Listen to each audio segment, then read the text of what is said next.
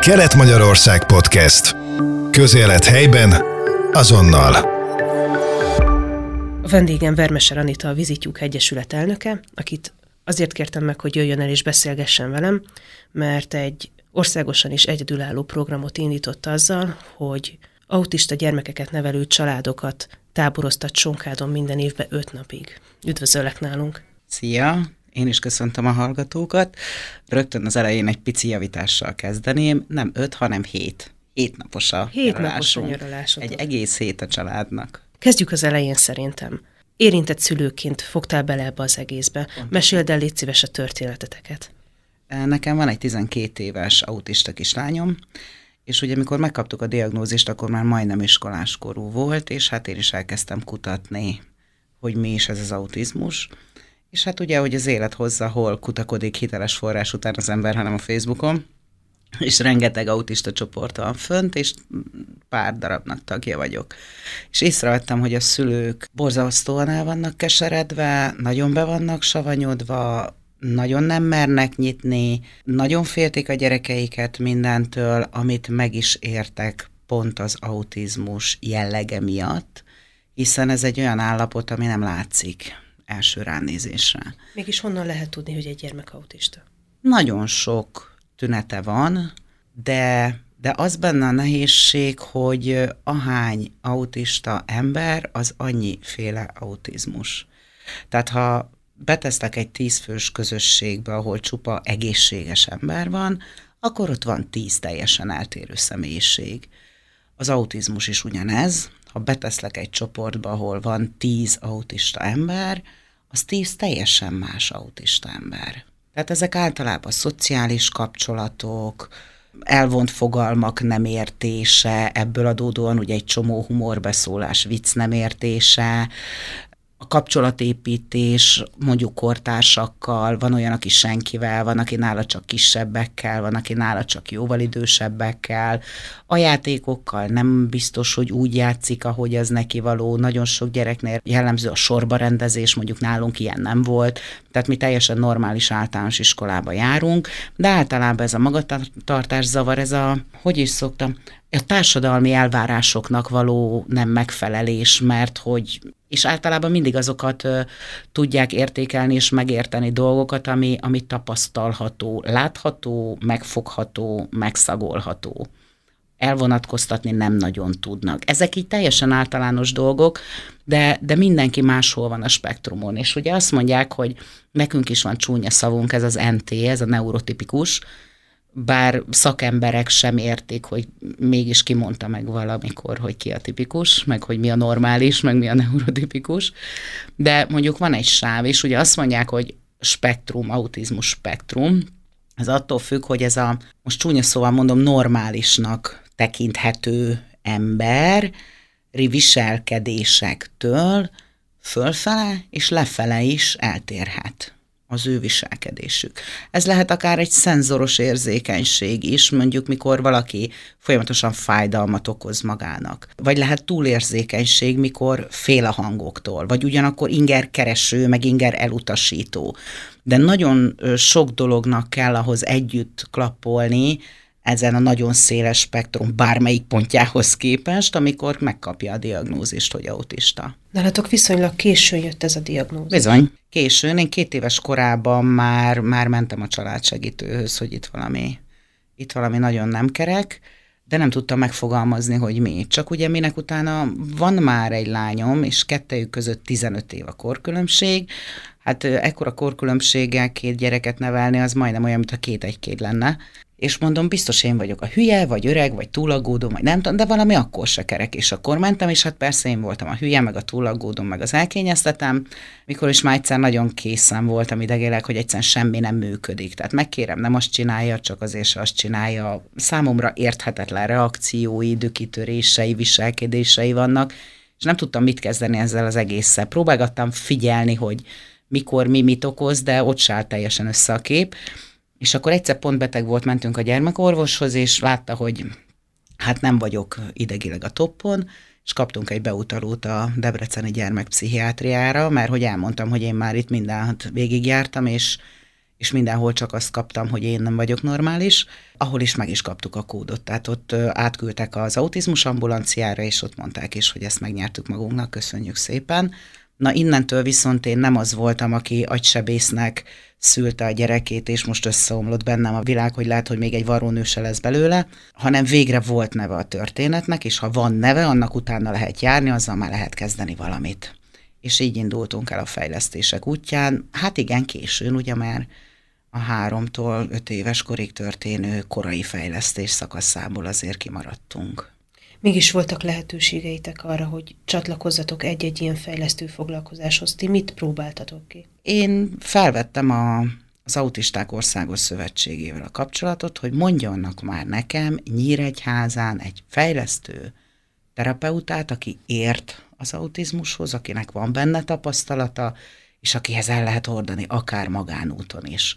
Így kaptam meg egy nevet, és hozzájártunk nagyon sokáig. Hát ennek most az iskola tett keresztbe, ugye most már felső tagozatosak vagyunk, és rengeteg neki az óvis meg kiskorú gyerek, akit ugye be tud tenni, és hát az ő munkaidei is 8 5 tart, tehát így a suli miatt nagyon sokszor kicsúszunk, hiszen akkor a délutánjai foglaltak, délelőtt meg mi is iskolába vagyunk, úgyhogy most sajnos már csak a, az állami kötelezően előírt óraszámban meg nem kapott fejlesztéseink vannak óraszámban meg nem kapott. Ez azért van, mert leterheltek ezek az emberek? Teljes rendszer leterhelt, nincs elég szakember. Ha jól tudom, hat év alatt nyolc fejlesztő pedagógusunk volt, ebből talán egy volt, aki autizmus specifikus végzettsége van. Azt mondják, hogy azok a családok, akik megkapják ezt a diagnózist, egy kicsit, mint hogyha egy idő után fallal lennének körülvéve. Te ebből mit érzékeltél? Mindent. Pont ezért hoztam létre ezt a tábort. Tehát ugye van egy egyesületünk, ami, ami vizitúrázkkal szervezett, egy non-profit egyesület, és akkor kitaláltuk, hogy jó, akkor legyen az a cél, hogy autista családoknak szervezzünk egy egyhetes bármilyen kikapcsolódást.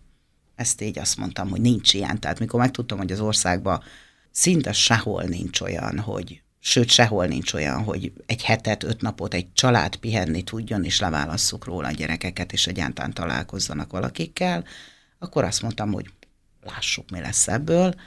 Ez volt 2019-ben, akkor szerveztük az első ilyet. Hát az, az nagyon gyerekcipős volt, tehát ott volt egy, gyógy, egy fejlesztőpedagógusunk, volt egy gyógymasszőrünk, volt egy családterapeutánk, meg lelkes önkénteseink, és így ennyi volt az egész történet, és mindössze öt érintett gyerek.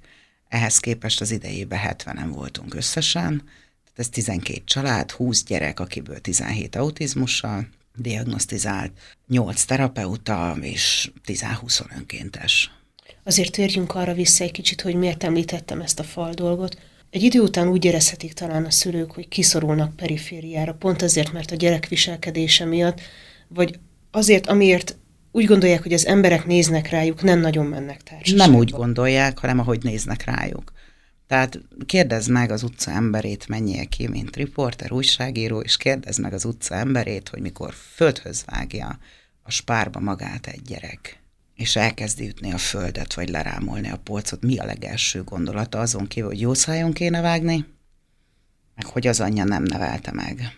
Tehát alapból erre vannak az emberek berendezkedve, hogy, hogy ők gondolnak valamit, és akkor abból már ítéletet is hoznak.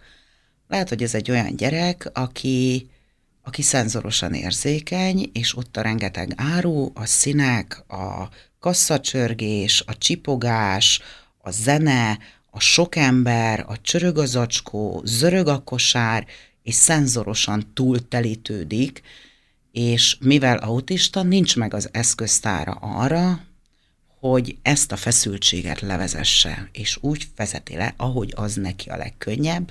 Ez az esetek döntő többségében egy ilyen dükitörésben valósul meg. A másik, amire azt szokták mondani, hogy hiszti.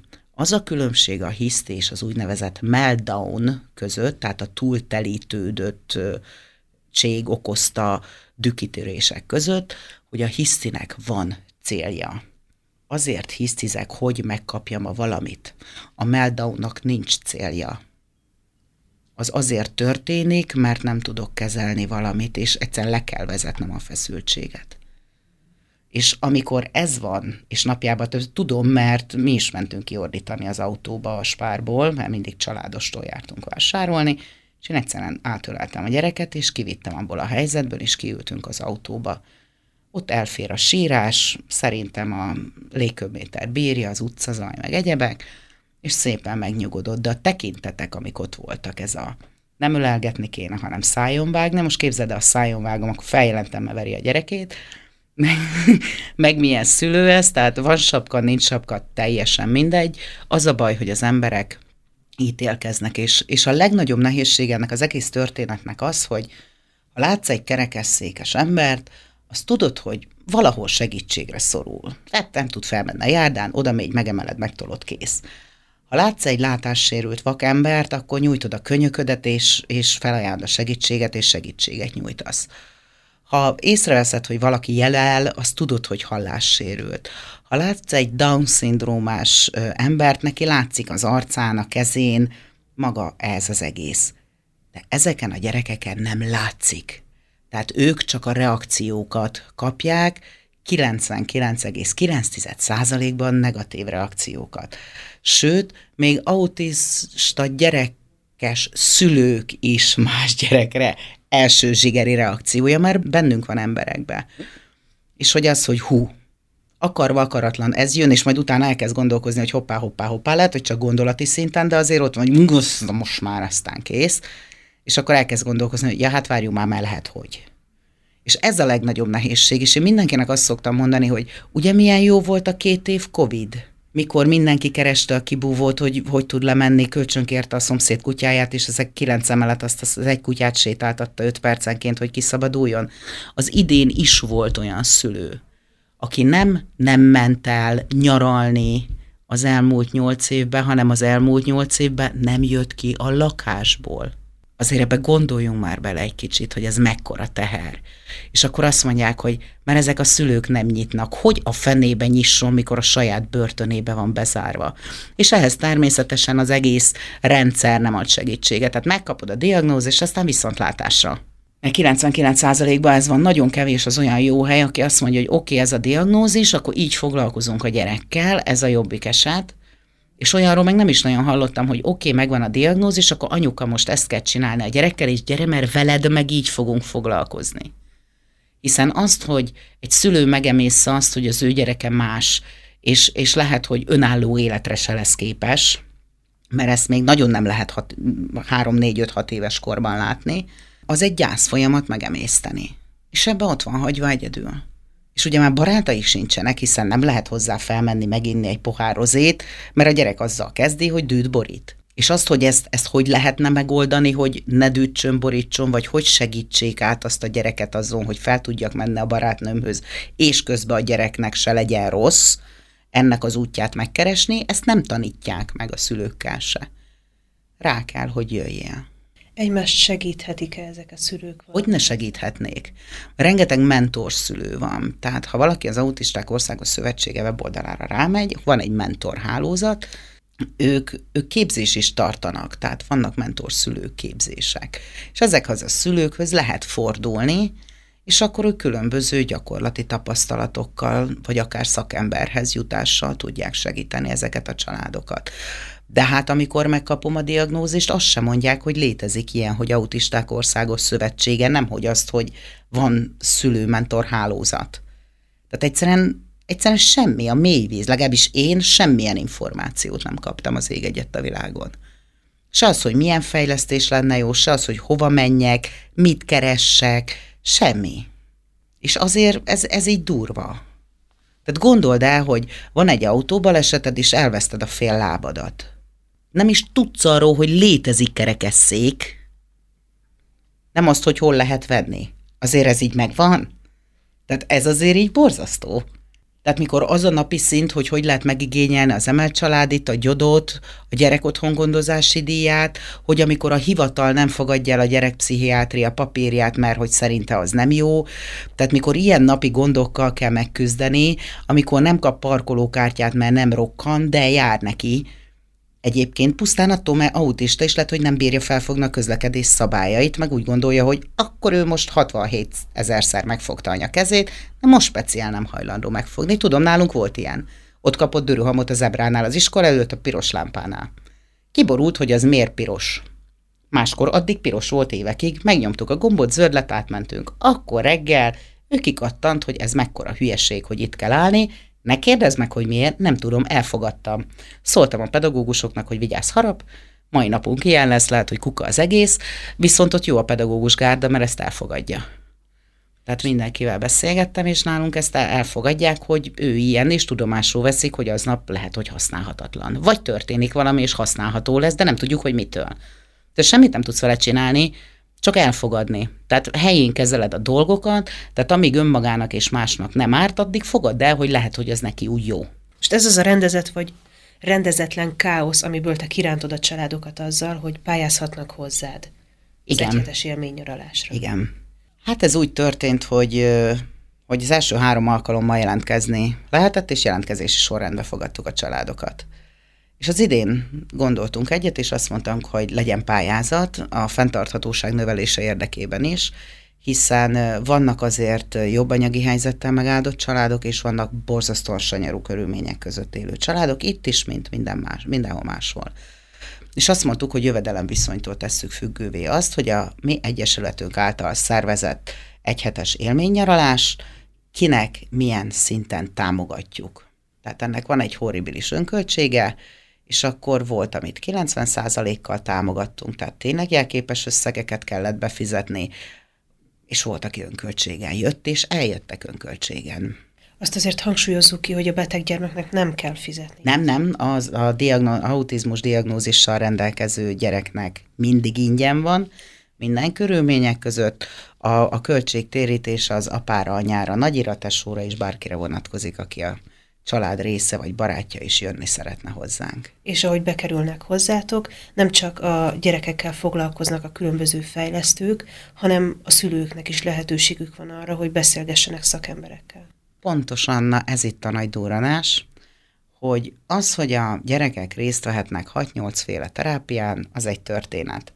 Azt, hogy a szülők az ő anyagi helyzetükből, vagy a lakóhelyük ebből kifolyólag milyen fejlesztésekhez juthatnak egyáltalán hozzá, az egy másik dolog, hiszen sokan megtapasztalnak egy csomó olyan dolgot, amit addig sose próbáltak ki. Én azt szoktam mondani, de pár szakemberrel beszéltem, és ők is osztják a véleményemet, hogy a lehető legtöbb féle fajta fejlesztést ki kell próbálni, és amiben a gyerek jól érzi magát, azt kell továbbvinni, hiszen mindegyik jó. Gondolok itt mondjuk egy kutyás terápiára, egy lovas terápiára, egy viziterápiára, egy autizmus specifikus terápiára, egy drámapedagógiára, meseterápiára, stb. Tehát még a gyerekek itt szépen el vannak idő beosztás szerint, addig, addig a szülők elmennek egy relaxáló masszázsra, elmennek egy családterápiára, akár egyénileg, akár párban, addig a tesók is játszhatnak a saját szintjüknek megfelelően. Az idén már volt például játék általi fejlesztés, tehát egyszerűen társas játékoztunk, csak ők nem vették észre, hogy attól függ, hogy hogy variáljuk a szabályokat, az úgy lesz abból fejlesztő játék amikor a teljesen különböző képességű és korú gyerekek egymással tudnak játszani. És igenis ezek a gyerekek nagyon sok mindenre képesek, Mondok egy példát. Volt az idén velünk egy kisfiú, aki a családsegítőtől, a szakértői bizottságtól, a gyerekpszichológusig mindenki szerint agresszív, ön- és közveszélyes, értelmileg akadályozott. Ennek a gyereknek egy hangos szava nem volt egy hétig, és eszméletlen dolgokról beszélgettünk.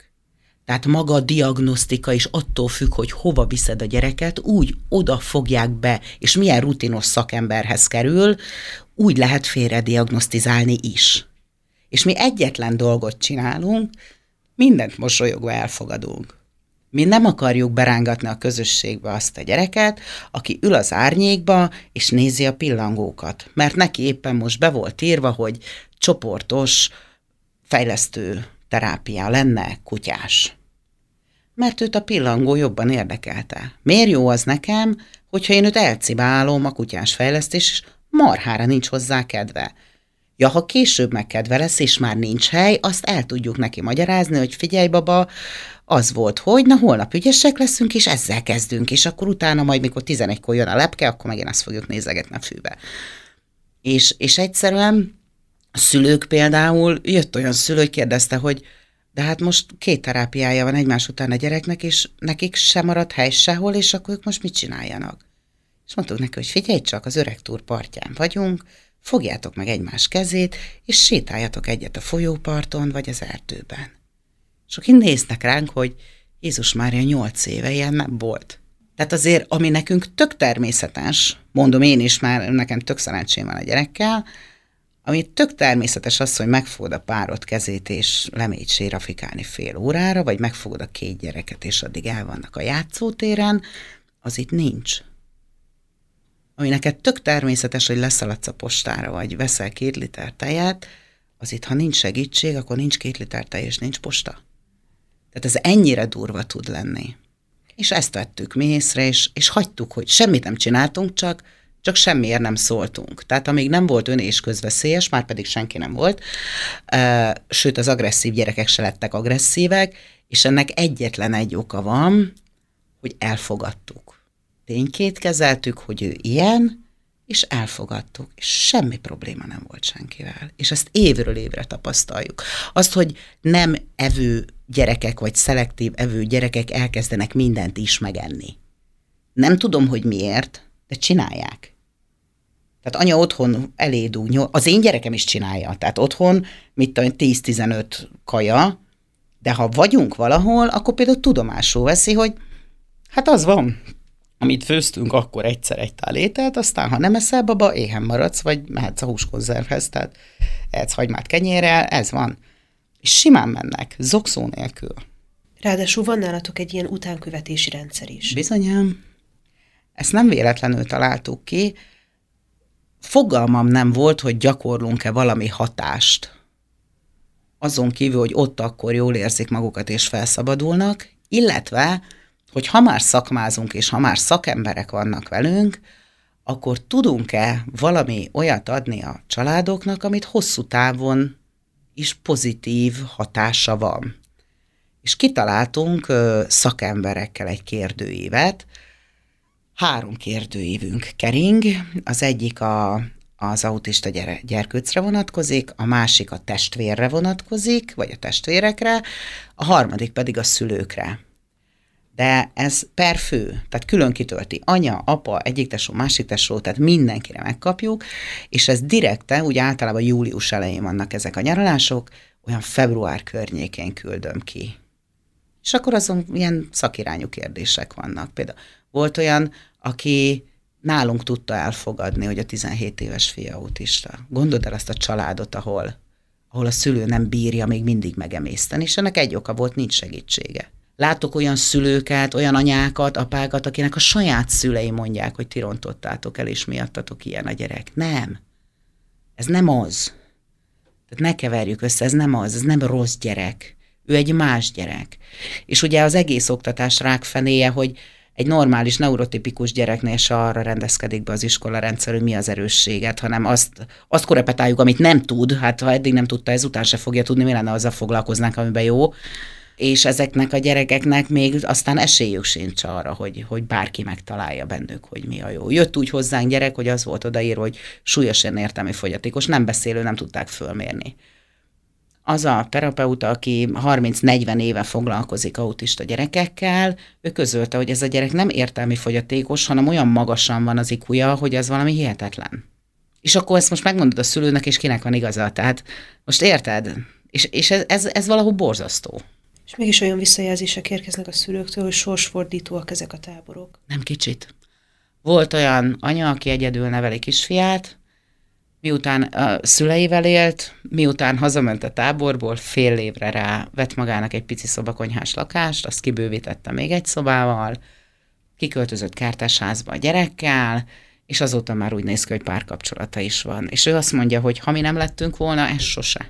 A hozzánk érkező családok 99%-a a nagyén kívül, ha van még nagyi, sehol nem volt, nem hogy nyaralni.